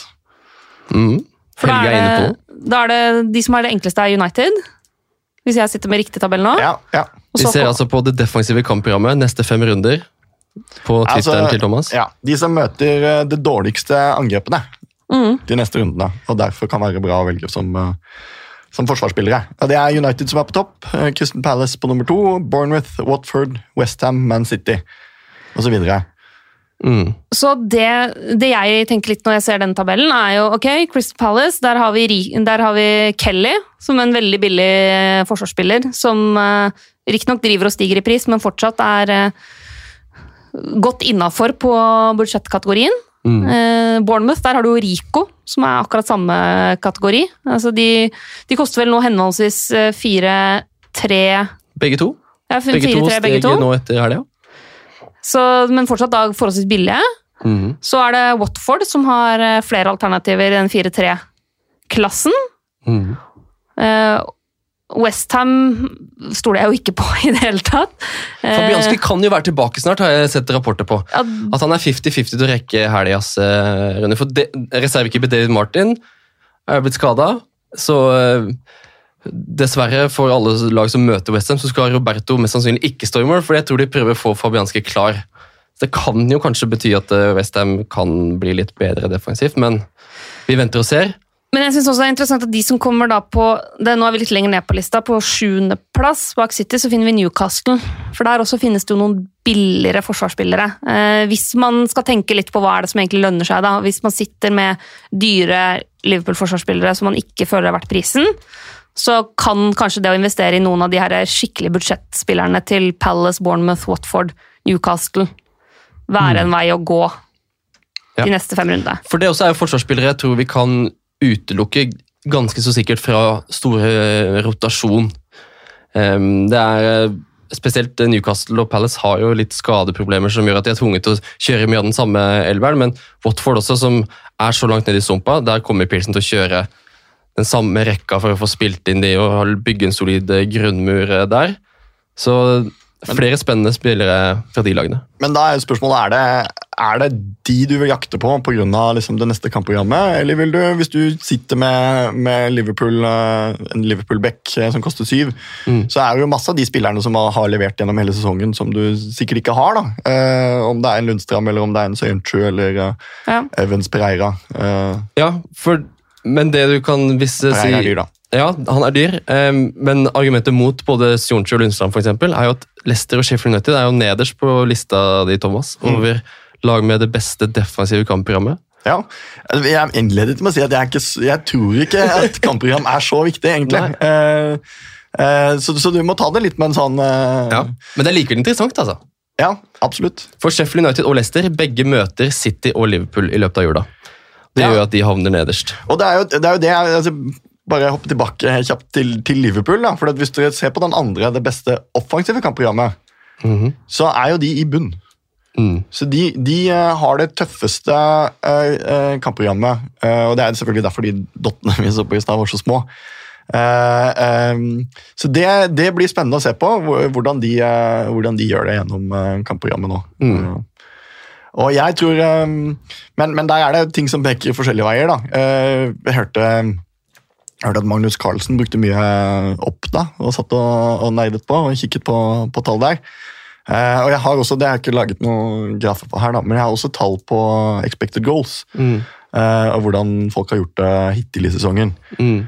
Eh, og Sala er den som i størst grad har på en måte underprestert sine expected goals. Eh, at han har, eh, han har høyere expected goals enn eh, enn han faktisk har skåret. eh, som jo, eh, og, som, og som bryter med tidligere i år. Som jo kan tyde på at han, eh, han har hatt litt uflaks. Det har vært litt stang ut for, eh, for Sala til nå. Eh, og at han kanskje kommer til å komme sterkere. Mm. Så hvis man først skal Jeg ville kanskje tenkt at, at gjennom jula og viktig ikke putte alle, alle egg i samme kurv, så ville jeg kanskje ikke hatt både Mané og Salah, men at eh, hvis man skulle prøve å liksom se hvilken vei det gikk, så kanskje, kanskje det er Salah som er eh, Ja, det peker litt mer i Veien å gå framover. Salas favør. Ja. det er en spennende Han har jo halvparten av herredelen til Mané, cirka. I hvert fall hadde før eh, møtet med Watford. Så, Det får du eh, lov til å se på, vet du. Nei, men jeg, jeg ser så mye på herredelen, jeg bare vil, jeg. For det er det beste jeg vet. Um, og Jo, men det er klart, det var jo det som gjorde at, eh, at eh, Carlsen gikk til topps nå. Mm. Fordi eh, han Eller, nå kom han jo tilbake. før, før De ja. Bruyne leverte på søndag, så Ja, var Carlsen ja. nummer én. Men jeg så jo at han, Nick Tanner, eller hva han heter for noe, har, Yes. han hadde Kane uh, på topp. Uh, og var uh, Det var egentlig det som fikk meg til å eh, Jeg satt og tenkte på at nå skal jeg prøve å få inn Rashford på topp, og jeg skal bytte ut Mané. og jeg vil ha en Kane. Mm. jeg, men Det er jo egentlig gal-Mathias å gjøre det. Og så gikk jeg inn og kikket på han, så sa jeg å ja, men han har gjort det. Mm. Eh, Der følte jeg fikk litt sånn godkjent stempel, da. Men, uh, men jeg vet ikke uh, om jeg da var sånn dum og så på de som tilfeldigvis hadde flaks og Ja, var på topp nå. ikke sant? Så, Mm. Um, det var, ok, Vi har et defensivt program. Vi dekker, må ta med før vi forlater den lista med defensive kampprogram neste fem runder, det at United er på topp på den lista til Thomas. Betyr det at eh, Nå ble det jo selvmål på Lindeløf eh, i helga, men United-spillere defensivt, er det noe å vurdere, Mina? Jeg syns i utgangspunktet at de Altså De er litt dyre, et par av dem, sammenligna med de andre, da. Eh, For hvis du ser på sånn som Lindløf, 5,3 Da tenker jeg at jeg heller vil gå for en million billigere fra en av de mindre klubbene som også har, har godt kampprogram. Så er det jo selvfølgelig et spørsmål om eh, hvem av unggutta som eventuelt får sjansen. Mm. Hvis man tør det. Hadde ikke Helge et innspill på United og unggutta? Han hadde det, vet du. Han eh, prøver å se litt inn i spåkula og eh, se litt om det kommer rotasjon i eh, United, og spesielt da i forsvarsrekka. Um, han, hans innspill om United er at eh, Brandon Williams er jo 4,1, eh, og Tuan CB koster 4,4. Så for han så frister det veldig om man kan klare å treffe på hvilke eller hvilken av kampene i jula Solskjær velger å rullere med de to. Um, da skal du være Da trekker du et lodd som det er ganske stor odds for at du treffer med. Um, hva tenker du om en sånn tankegang, Thomas? Sette inn noen som du forventer kommer til å bli satt inn som følge av rotasjon? Ja, men eh, altså igjen så tror jeg på en måte eh, Her er det liksom viktig å ha, ha blikket på the fundamentals. Uh, at uh, ingen av de United-spillerne dukker opp i noen av mine sånne når du ser på form eller poeng hittil. Eller, altså, de har ikke levert hittil. Eh, Nei. Det er Rashford liksom som er greia i Ja, United. så du må ha en ganske god fortelling om hvorfor plutselig de skal begynne å få poeng. Og det må handle om noe annet enn at ja, nå For det, for det er litt sånn faren med, med, med magefølelsetenking. At, at vi henger oss opp i litt sånn uvesentlige ting. Eh, om at eh, ja, nå er det plutselig den som er den favoritten til å spille eh, forsvar på United. Ja, det kan være. Og det, ikke sant? det er riktig i seg selv. Men så er spørsmålet ja, men hvordan har Uniteds forsvar vært til nå, da? Nei, har ikke vært så, har ikke vært så bra. Så da, da er det ikke noe vits. Eh, Nei. da trumfer det det. Så jeg ville, jeg ville styrt unna de defensivt, men jeg ville hatt eh, Og jeg har eh, Rashford offensivt. Mm. Rashford offensivt, han er med på lista.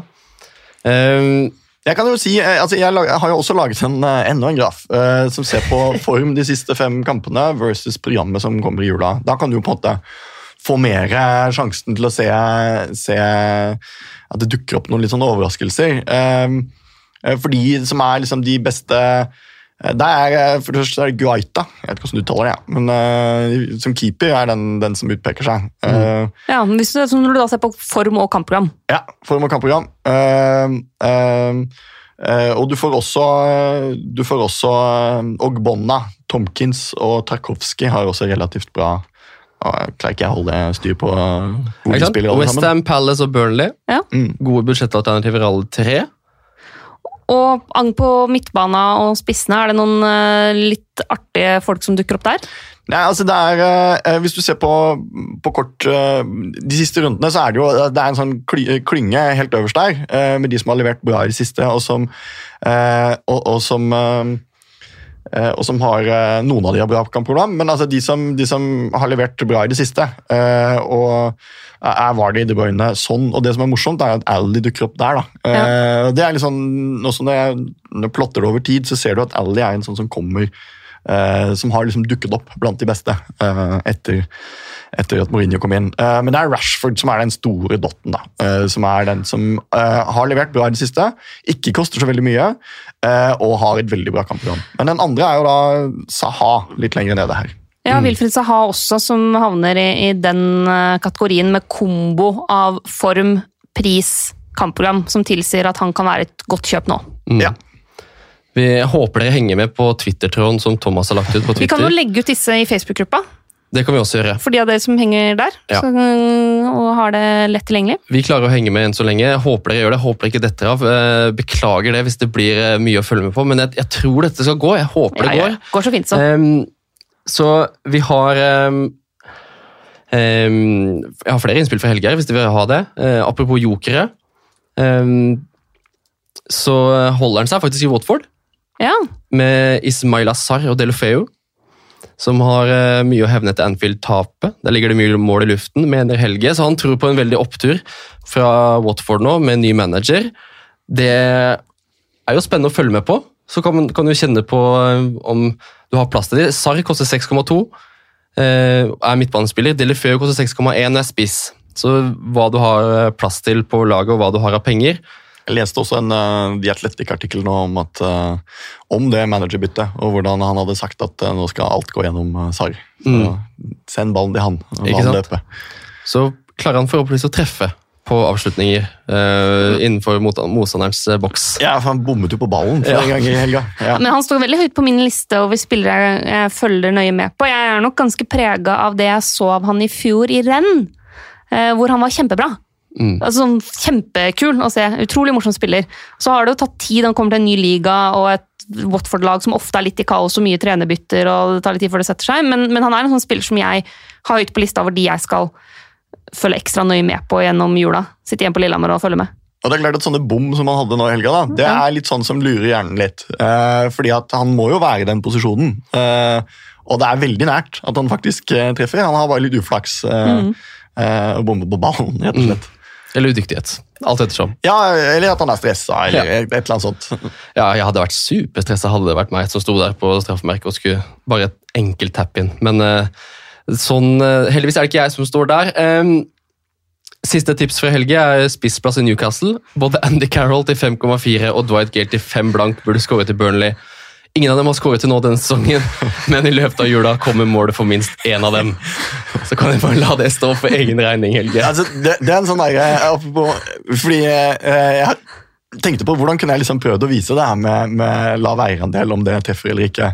Eh, Men det er jo veldig vanskelig å skulle plotte det, for det er mange som har en veldig god grunn til at de har en lav eierandel. At de nesten aldri spiller, eller at det er liksom alle skjønner at den personen ikke kommer til å eh, treffe. Men en ting som hadde vært morsomt å prøve en gang, det var jo å, gå gjennom alle podkastene deres og så ta de der jokertipsene. Og så, og så se hvordan det faktisk gikk med dem. Eh, For mitt, eh, mitt tips er at det går ganske dårlig med mange av dem. ja, det gjør det. Og, Med unntak av Flekk, som jeg meldte for noen runder siden, Ja, ja, ja. som jo ble en av poengkongene nå sist. Men da husker jeg det fordi jeg traff, da. Ja, ja, ja. Og han er Nate Silver, som jeg snakket om i stad. Han har en bok som heter Signal and the Noise, hvor han, eh, hvor han snakker om det her. hvordan det er, For det er et sånn problem i eh, eh, generelt i sånn med journalistikk. At det er jo litt sånn, det er ekstra gøy å høre på de som flesker litt til og våger seg med de, med de drøye påstandene. Eh, mens, mens eksperter får sjelden eh, og, og det er jo gjerne sånn man velger, om det så er politiske kommentatorer eller om det er eh, fantasy-eksperter. Eh, så, så velger man jo de som tør å liksom fleske litt til og ha litt sånn morsomme, rare, rare ting. Men, eh, men det er ikke alltid det slår til, da. Nei, det er ikke det. Uh, Men er det, nå jeg får lov til å, å ha Louis Dunk-grafen min til, uh, Ja, til, til, til eh, Kalle Klev? Fordi at, eh, fordi at han har en veldig morsom eh, eh, graf for, eh, for Dette er ikke mobbing, Helge. Nei, nei, nei. nei han, eh, han tvitret til meg rett etterpå at eh, når jeg la den ut på Twitter i stad, at eh, det var da enda godt det var noen piler som gikk oppover. Eh, eh, fordi han eh, han, eh, han var oppe og luktet på over eh, altså I runde ti der så lå han på, på en million øverste. Eh, Så jeg laget en sånn graf her da, som, eh, som viser hvordan hans eh, overall rank har svingt. Eh, men jeg mener jo eh, Det beviser jo ingenting, da. Men, eh, men det er litt morsomt at, at den veldige nedgangen hans sammenfaller med når han valgte Louis Dunk som kaptein. Og han har vel runden etter, eller, eller to runder etter der igjen, så har han Walker Peters som, som kaptein. Så det er, det er en viss, sånn, det er en viss sammenheng mellom dristighet i kapteinsvalg og, og pilen, eh, retningen på bilen. Det er det vi ofte kaller risk versus reward. Eh, altså Du kan ha sånne type valg som er ekstremt høy risiko, eh, men hvis du treffer, så føles, det, så føles gevinsten veldig veldig stor. og Det er jo derfor man vi gjerne ofte lander på føles veldig stor. Ja, den føles veldig Den veldig er stor. antakeligvis ikke så stor. Og Det er nok en driver litt rundt hvorfor vi syns det er mye morsommere å kapteine en joker enn det trygge Ja. valget. Det er fordi at ja, Risikoen for at det går gærent er mye høyere, men det føles mye kulere å treffe på en kaptein ingen andre har, enn Mm. Ja, å bare kapteine Jamie Ward og være ferdig med det. Ja, jeg Så- hyller det. Jeg hyller Louis Denk som kaptein. Og eh, jeg skal bare ta med på tampen at Helga også sendte meg at eh, erfaringsmessig så kommer det noen overraskelser i løpet av julen. Og peker ut Brighton-Chelsea 1.1 som kamper det kan være fristende å kapteine Louis Dunk. Ja, ikke sant, ikke sant? Så vi får se om han har lært. Altså, Han hadde Abraham to runder. de to runder. Han, for Vanligvis velger han ganske stødig. altså. Det var mye Salah og Sterling og De Bruyne og osv. Men, eh, men han hadde Abraham to runder før, og, og, som hadde levert bra, og som også leverte bra den runde ti. Men, eh, men da var det Louis Dunk, da. Som, mm. Dessverre er ikke Helge til å snakke, Forsvare forsvare seg. seg. svare for seg. Men eh, det er veldig gøy å ha det med. Vi skulle gjerne hatt det her, Helge, men eh, familien kommer først. Det er sånn det skal være.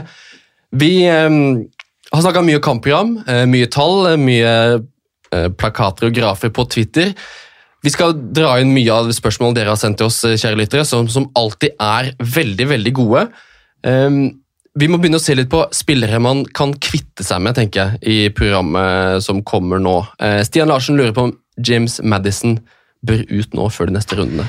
Leicester var jo um, litt nede på listene dine, Thomas. De møter City nå og skal møte Liverpool på de to neste. Er det et godt tidspunkt å kvitte seg med Leicester-spiller? Kanskje ikke Jamie Vardy, men eh, de andre Nei, Leicester-gutta. Vardy må du for guds skyld ikke kvitte deg med. Han er en must have. Eh, men eh, nei, altså jeg, jeg bytta jo Det var jo Madison jeg bytta inn på for Mané. Ja. I min, det er fordi at han hittil har levert relativt bra. Så jeg var ganske bitter, bitter nå i helga når, når Madison tok corner og Vardy headet den i mål eh, via keeper. eh, hvor jeg først fikk både assist og mål, som ble gjort om til én assist. På, eh, på kaptein Vardy. Mm. Uh, nei, jeg vet ikke. Uh, det blir spennende å følge med på, på Leicester. Hvordan de, eh, hvordan de går innover. i- Og de har jo et tøft juleprogram, de også. Mm. Ikke minst møter, eh, møter Liverpool. Men du står med Madison og Vardy i de kampene. Ja, jeg gjør det, men det er jo litt sånn Da er Madison uh, uh, han jeg fyller på, uh, på på midtbanen der. Da har jeg Son, Ally, eh, De Bruyne og, og Madison. Og så vil jeg ha, hvis jeg, hvis jeg gjør disse byttene som jeg har tenkt, da, så vil jeg ha Kane, Vardy og eh, Rashford på topp. Og så er det liksom, Hvis vi ser litt på bare hvordan Madison har prestert de siste kampene altså han, han er den som har flest forsøk på assist i runde 17. Uh, det, så der er det han som på en måte er, er ja, har flest attempt til det siste. da. Og han er fortsatt, Hvis vi ser på de siste fem rundene, så er det fortsatt han som eh, er nummer to bak Kevin De Bruyne. Så han har fortsatt å skape mye og prøve mye, men så har det vært litt mindre stang inn da, eh, enn det det kanskje har vært tidligere på, på akkurat det. Men for meg så ville det ikke hasta å ta ut Madison. Jeg tenker at eh, du skal ha et lag du er veldig veldig fornøyd med, hvis du prioriterer å ta ut Madison som et av byttene dine nå. Mm. Magnus Hjortveit lurer på hva man skal gjøre med Tammy Abraham.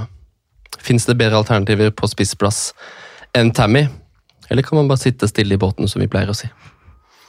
Nei, det er jo der den der Kane-greia mi kommer inn. At jeg har en sånn hunch på Men den kan jeg ikke basere på noe som helst, annet enn eh, at Chelsea er et ungt lag og kanskje har overprestert litt, og at det blir litt sånn det man på fint kaller eh, regression to the mean, at ting, ting går litt mer tilbake til normalt. Eh, det er derfor jeg tenkte at, eh, at det kanskje var eh, Og så er det jo også fordi at eh, hvis jeg skal ha en Kane, da, eh, eh, så er det eh, de andre plassene er Vardy og Rashford som jeg har. Eh, Så da er Abraham den som, som står lavest på den, på den Mm. lista, i hvert fall. Men eh, ja, jeg er som sagt ikke sikker på om det egentlig er en god idé. Jeg følger deg veldig på en Kane-hunchen. Ja, ja.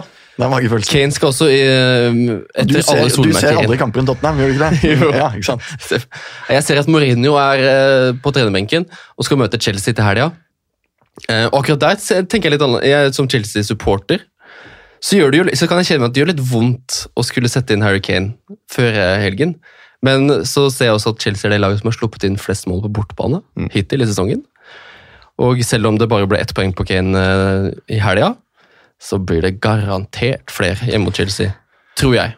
Men altså, de mot hverandre, så er det jo klart at det, du må jo ofre noe an- andre steder. Så Mm. For å få til det, så har jeg ofret Mané på midten, og det er jo ikke småtteri. Nei, Og jeg ofret Trent i forsvarsrekka. Ikke sant? Og, så, men hvis du ser på Tam Abraham, så de siste fem rundene, så, så er han på en måte ikke helt i toppen lenger på avslutninger. Selv om han leverer helt greit. Han har fire avslutninger nå i, i den kampen eh, mot Bournemouth. Alle er inne i boksen. Mm. Eh, men det er bare én av dem som er på en måte on target, da. Men han har ramlet litt nedover på skuddstatistikken. Jeg kommer til å beholde han, men det er også fordi det er ikke en prioritet for meg å ta han ut nå. Nei. Det, der har jeg andre behov. Men jeg skjønner veldig godt hvis folk har, er i ferd med å miste tålmodigheten lite grann. Mm.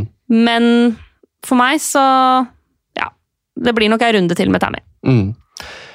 Så lurer jeg på, før vi går videre til eh, Vi skal sette opp et lite wildcard. Vi skal få en liten utfordring der. eh, så må vi tenke vil jeg bare at vi skal droppe noen spillere her som bør stå i laget uansett hvordan programmet ser ut. Om det er positivt eller negativt. Hvilke spillere kan man fint bare la stå gjennom, selv om det er eh, både mørkt og lyst? De fleste. De aller fleste. ja. Det vil jeg si. Ikke, ikke bekymre deg for mye for program. Tenk på program heller som altså Ikke, ikke gjør bytter pga. programmet, eh, men når du gjør bytter, så kan du godt tenke på programmet i forhold til hvem du bytter inn. Ja. Men ikke ta ut spillere i god form bare fordi de får et litt kjipere kampprogram. Ja. Så vi lar Leicester gutter Jeg lar Leicester gutter stå, for eksempel, selv om de har tøft program. Ja, Um, Kevin De Bruyne står, ja. Ja, ja. hvis man har uh, han. Jeg tror nok også at jeg lar Jimenez stå. Mm. Uh, han er eh, på en måte topp fem på totale avslutninger siste fem kamper. Han skyter mye inne i boksen. Uh, så ja, nei, jeg lar han stå. Mm. Samme for med keeperplass, hvis du tenker på at du skulle lyst til å bytte på keeperplass. Jeg har lyst til å bytte ut Nick Pope i, eh, siden jeg satte han inn, eh, for så vidt. Eh, Men det er sånn spiller jeg bare lar stå. For jeg kan, det, er, det, er, er morsommere å bytte på ute på banen, men keeperplass er et så fint sted hvor du kan bare la keepere stå. Plutselig kommer det poeng, selv om Guaita er i kjempeform. Ja, men du får ikke så mye ekstra poeng på det uansett. en å bytte det ut. Og Lundstrøm lar man stå, selv om Sheffield United har et tøft program. Han spiller fortsatt midtbane. Plutselig får han med seg en assist som han gjorde i helgen. Um, det eneste er Liverpool-forsvarere. Det, eh, det er fordi det er de jeg må ofre for å få inn offensive spillere jeg vil ha. Eh, Ref Harry Kane. Det er de jeg føler jeg kan ofre. Du kan også ofre Leicester-forsvaret hvis du sitter med Pereira. Selv om han har vært en av de som har prestert best gjennom hele sesongen. Litt sånn med tanke på verdi. Um, så føler jeg at det er verre å sitte med dyre forsvarsspillere nå i kampene som kommer når kampene kommer tett. Ja, og så er Det jo litt sånn, hvis man, det, det var også en ting jeg prøvde å se på. Det der med Hvor, hvor har det lønna seg mest å bruke pengene? Mm. eh, jeg har ikke noe sånn fasitsvar på det, men, men det er jo den hunchen at eh, i fjor så var det mye forsvarsspillere som lønna seg mye, mindre det i år. Eh, Jeg tror man eh, klarer seg fint med billige forsvarsspillere, og så heller bruke penga forover. Mm. Um, så ja, Du snakket om Jimenez i stad. Jeg, eh, jeg, jeg drev og sjekka hvordan han var i forhold til Rashford. Rashford er selvfølgelig dyrere. Men hvis du, Ja. hvis du sitter med en uh, dyr Liverpool, for, for, altså Trent eller uh, Robbo og Jimenez på topp, så ville jeg byttet nedgradert en av de og oppgradert til Rashford på topp. Mm. Bare sånn kjapt, kjapt mine stats eh, siste fem sånn på rundene. Spillere som kommer i juleprogrammet i god form her. Ja, altså det er jo eh, to som eh, Eller det er jo et par som peker seg voldsomt ut. Flest avslutninger det er Vardy og De Bruyne siste fem kamper, med 21. Foran Rashford 20, Jimenez 19, Kane 16. Eh, Flest avslutninger på mål er Vardi. Mhm. Foran De Bruyne, Rashford og faktisk Mopai. Han kom på fjerdeplass der med åtte skudd på mål på siste fem kamper. Det er ganske mye bedre enn eh, f.eks. Harry Kane. Mm. Eh, skudd i boks er det også Vardy som er ensom majestet. Altså 20 av hans 21 avslutninger har vært inne i boksen de siste fem kampene. Og så kommer da Salah, Jimenez og Shota bak han på 13, og så kommer Jesus og Pulisic. Så det kan man jo vurdere som man vil, men altså var de som har hatt flest store sjanser foran Rashford. Så det er på en måte de som eh, leder han der. Eh, Den som skaper mest, er eh, faktisk Kong Min Son. Han som har skapt flest store sjanser de siste fem kampene.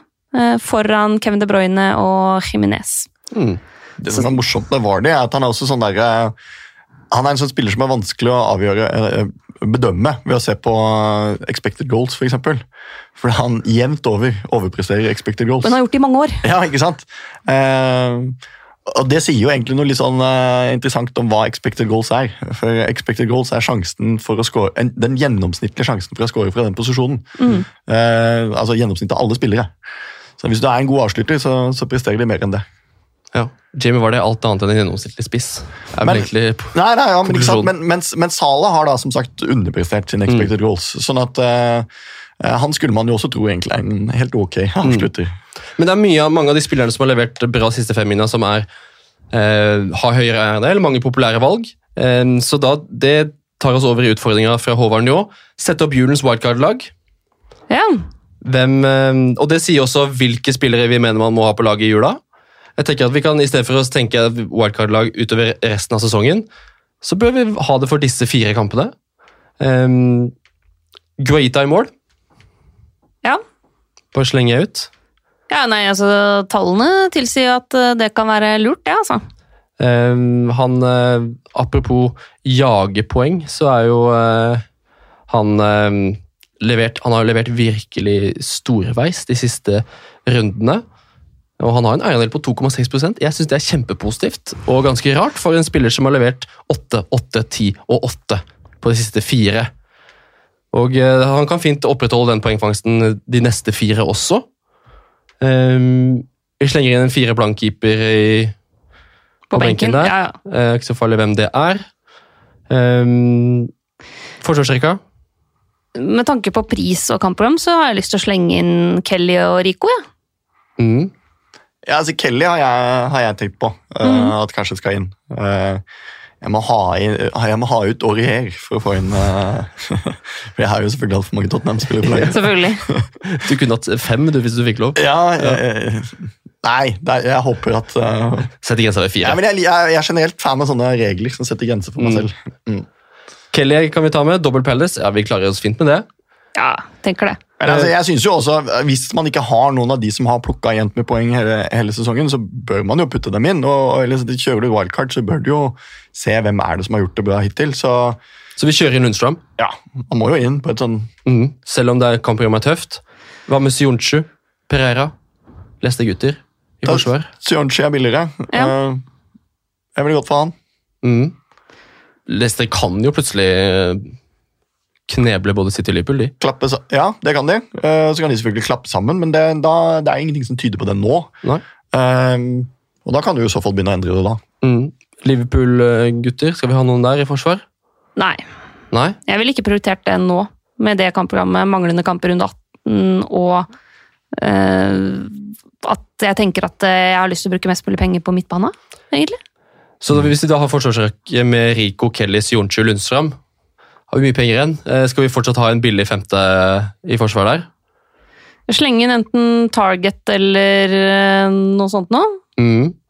Matt Target i Aston Villa syns jeg skal få eh, plassen der. Aston Villa har det som jeg kan se, et fint program i jula. Southampton hjemme, Norwich hjemme, Watford borte og Burnley borte. Og så kommer City hjemme 12. januar, men det får man bare tåle. Eh, så jeg er med på Target. Så ikke noe sånn Ogbonna eller Tomkins eller noe som har best uh... Nei, Tomkins og Kelly og Guaita Ja, det blir mye Vi trenger kanskje en Palace-plass på midten Gjør det.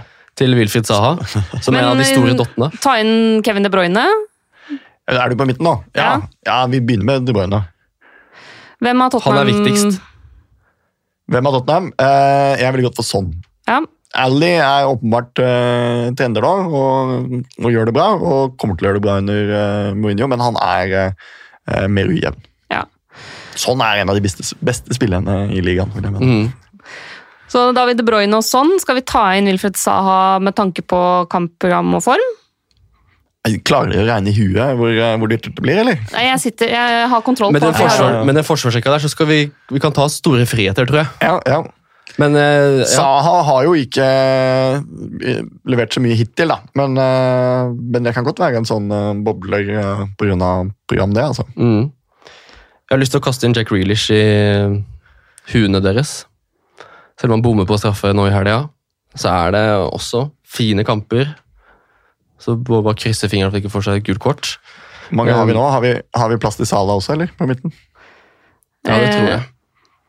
Ja, men da må vi, altså, da må vi spille fem midtbanespillere, da, i så fall. Mm. Mm. Og så Kane og Vardy på topp.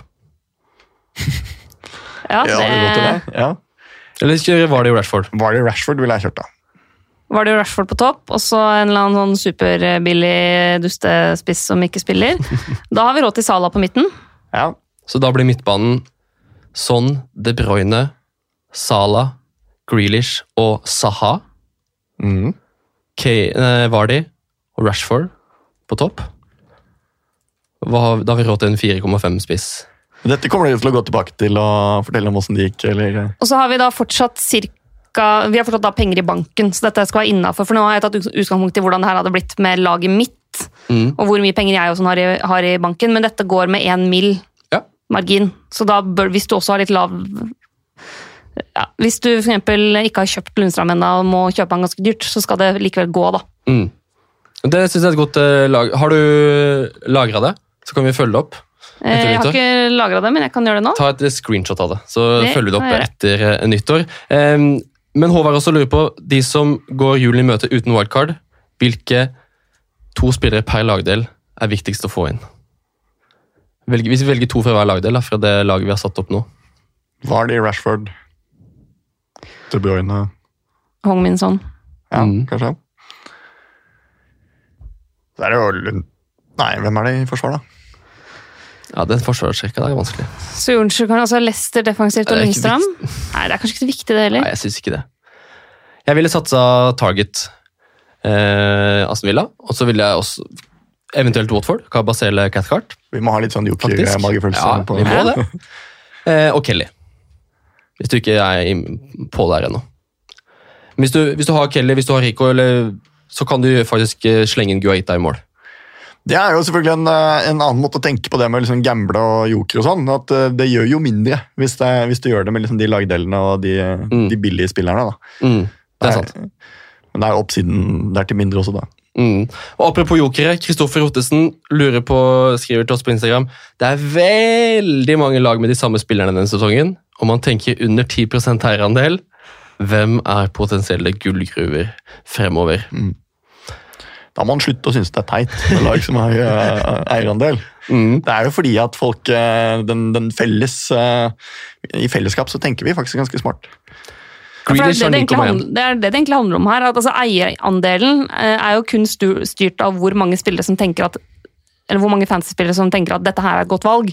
Pluss at det selvfølgelig er altfor mange United-spillere har jevnt over for, høyt, eh, for høy eierandel fordi det er mange United-spillere som plukker sine, sine folk osv. Så videre. Mm. sånn som jeg plukker Tottenham. da. Mm. Men i utgangspunktet så er det jo sånn at eh, av og til så tenker mange hoder bedre enn ett. Det er egentlig din påstand, Thomas. Ja, Det er ganske mye som eh, det er ganske mye statistikk som kan bevise det. for å si det sånn. Mm.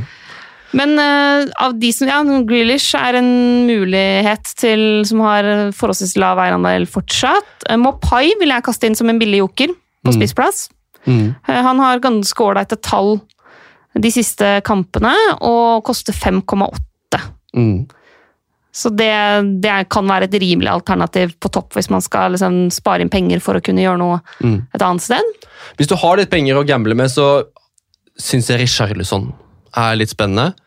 Eh, Det ser ut som Everton-boosten eh, faktisk er noe man kan stole litt på. Han har 7,8% eierandel.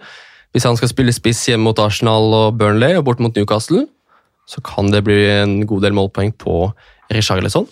Og han dukker opp i den der eh, poeng eh, versus verdi-grafen min. ikke sant? Så Ja, sant? Det er nydelig. Og så er det flere av forsvarsspillerne vært inne på, både Watford og eh, noen i Newcastle selvfølgelig, og ikke, sant, ikke minst i Villa, som man fint kan uh, gi liten mulighet i jula. Um, Og det er klart, Richarlison ligger veldig tett på David Silva i poeng hittil, men, eh, men han spiller vel oftere. Mm. Det gjør han jo. Jeg tror han er ganske trygg gjennom jula også. Mm. Um, ok, dere. Jeg tenker at vi skal um, prøve å uh, komme til en konklusjon her. Vi skal se på runde for runde. Um, siden vi nå skal dekke runde 18, 19, 20 og 21, som er helt fram til 1. januar eh, i denne episoden. Så vi skal se på runde for runde. Hvilke spillere ser mest interessante ut i den runden på papiret? Det er det vi eh, har foran oss nå. Vi vet ikke så mye mer enn det. Så nå skal du oppfordre til sånn der bytte ut spillere hver runde på, Mm. på bakgrunn av kampprogram? Ja, for jeg har lagt en plan for hva jeg skal gjøre de neste fire rundene. Ah. på forhånd. Um, og den planen kan jeg godt eh, avsløre. Har du gjort det samme, Mina? Nei. Nei. Det er greit. Jeg vet at du egentlig ba meg om å gjøre det, Jeg men det. jeg har jo ikke engang bestemt meg for uh, om jeg skal altså, for å si sånn, Hvis jeg går for et sånn dobbeltbytte som gjør å få, handler om å få inn Hong Min Son den runden her, så binder det opp en del av de planene jeg eventuelt kan legge senere i jula. Mm. For da dunker jeg inn fryktelig mye penger på midtbanen og har nesten ingenting i forsvar. Hvis vi starter på runde 18 Kommende helg, Liverpool-Westham møtes ikke. Det er en blank, så Liverpool har ikke kamp. Um, City møter Leicester. Mm. Tottenham møter Chelsea. Det, er en sånn, Hvem sitter vi igjen med da? det er jo en sånn runde hvor jeg skulle ønske at jeg hadde for eksempel Rushford da, borte mot Watford. Ja. Eh, eller for så vidt eh, Aubameyang borte mot Everton. Ah, det kommer veldig an på Men det kommer veldig an på den situasjonen i Arsenal. Eh, men det er kanskje også den Aston Villa-Southampton-kampen. Der tror jeg det kan bli mye mål. Mm. Så der, eh, Hvis man sitter med Danny Ings, hvis man sitter med Grealish, så tror jeg at man kan kose seg litt med den kampen klokka fire på lørdag. Ja, helt enig. Så velge litt ettersom hva man har lyst til å se på, på TV-en også. Ja. Mm. Kampen på papiret som jeg synes ser best ut, er Norwich-Wolverhampton. Ja, jeg sitter veldig fornøyd med Jimenez. Det er, en altså jeg selger ikke Jimenez før han skal spille mot Norwich. Nei. Og med de andre topplagene som møtes der, eh, hvis du tenker litt sånn kapteinsvalg eh, her, Thomas, er du enig at Jimenez er den som kanskje er det beste kapteinsvalget til helgen allerede? Han, han har jo ikke henta så mye poeng de siste, siste rundene, har han det? Det er sånn assister, men ikke Ja. skåringer. Ellers så syns jeg jo Tottenham spiller hjemme mot et Chelsea-lag som sliter defensivt. Det kan være. Uh, Tør du å følge hjertet? nei, jeg tror jeg lar den stå på Vardy, jeg. Mm. jeg, jeg Selv bort mot City? Uh, nei, det var det, da. Uh, nei, jeg må tenke meg litt om der. Eh, Rashford er selvfølgelig eh, også interessant. Um, så eh, fordi det var sånn For et par runder siden så, så prøvde jeg liksom å være smart og bytte bort Vardy og sette og ha på Abraham isteden, og da det gikk ikke bra. Nei. Så da var det tilbake til Vardy. Ja. Ja.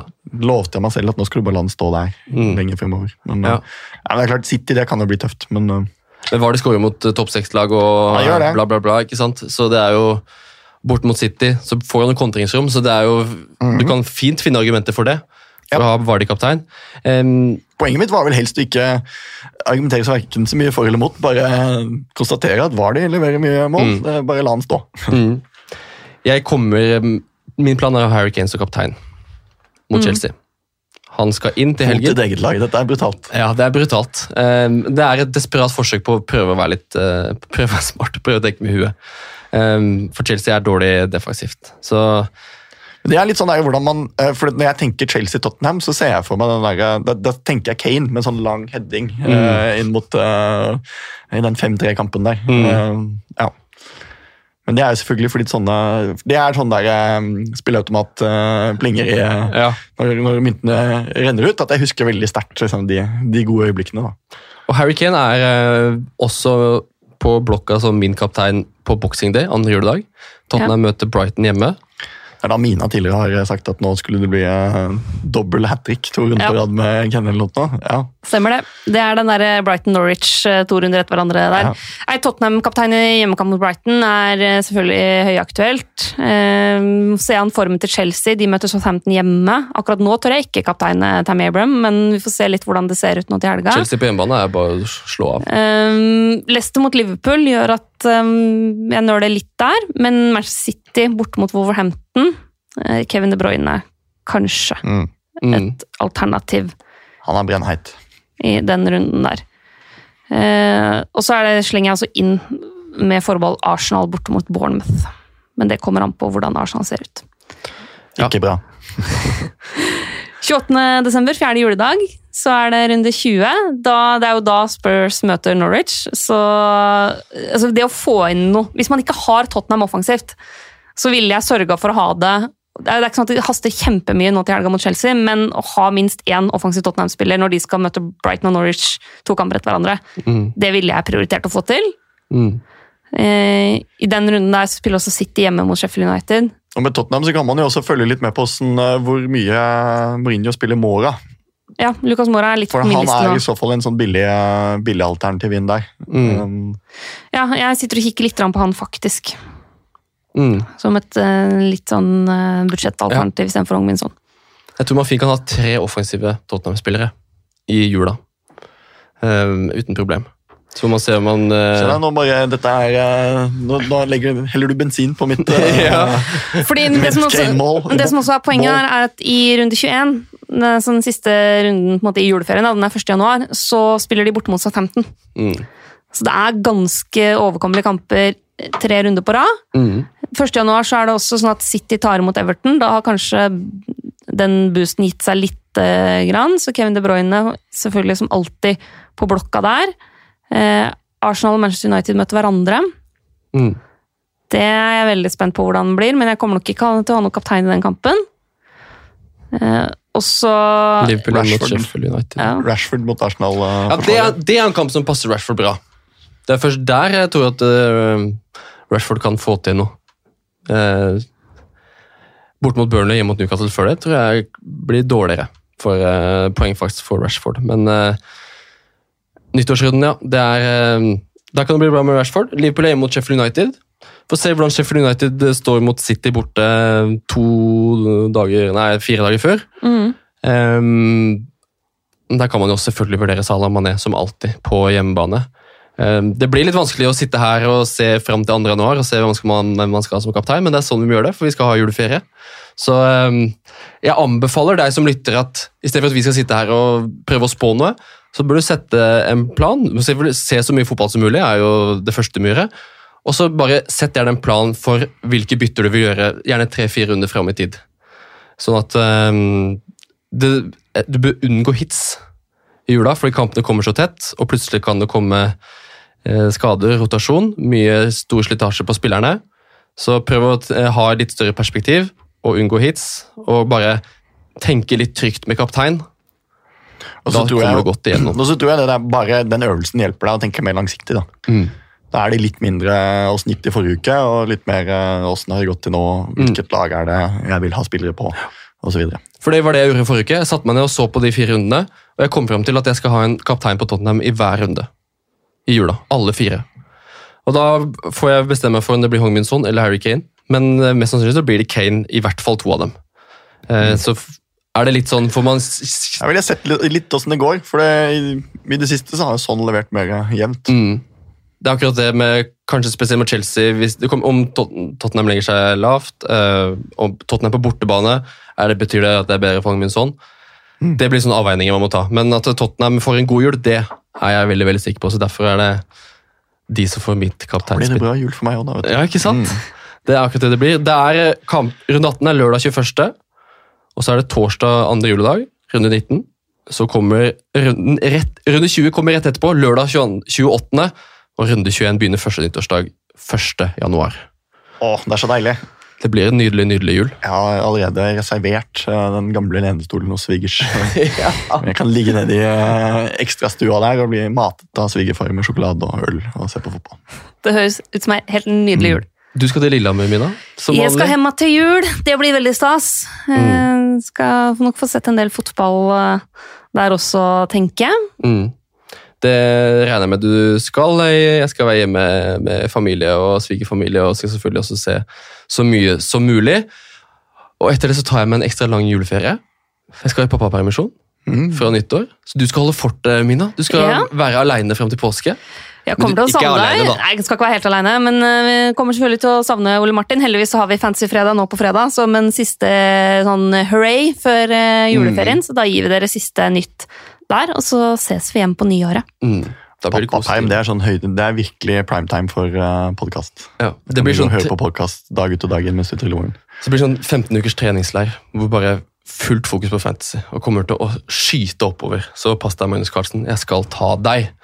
Um, jeg tror vi har klart å snakke gjennom det aller meste. Ja. Dette ble en veldig mye lengre episode enn vi pleier, men det var litt med vilje. Fordi vi har mye å prate om nå før ferien. Så takk for at dere hørte på. Veldig Hjertelig gøy at takk. du ville være med, Thomas. Takk, takk. Jeg har kosa meg gløgg med deg på besøk, Thomas. Hjertelig takk. Følg, eh, Be folk gå inn på Twitter, at Thomas Tallaksen. Der finner du alle grafene og plakatene vi har snakka om i løpet av episoden. Um, vi skal få, prøve å få lagt ut på Facebook-gruppa også, selvfølgelig. Og så er det bare å ønske deg en riktig god jul, Thomas. God jul, Mina. God jul. God jul til deg som hører på. Og lykke til med juleprogrammet. Vi snakkes. Ha det bra!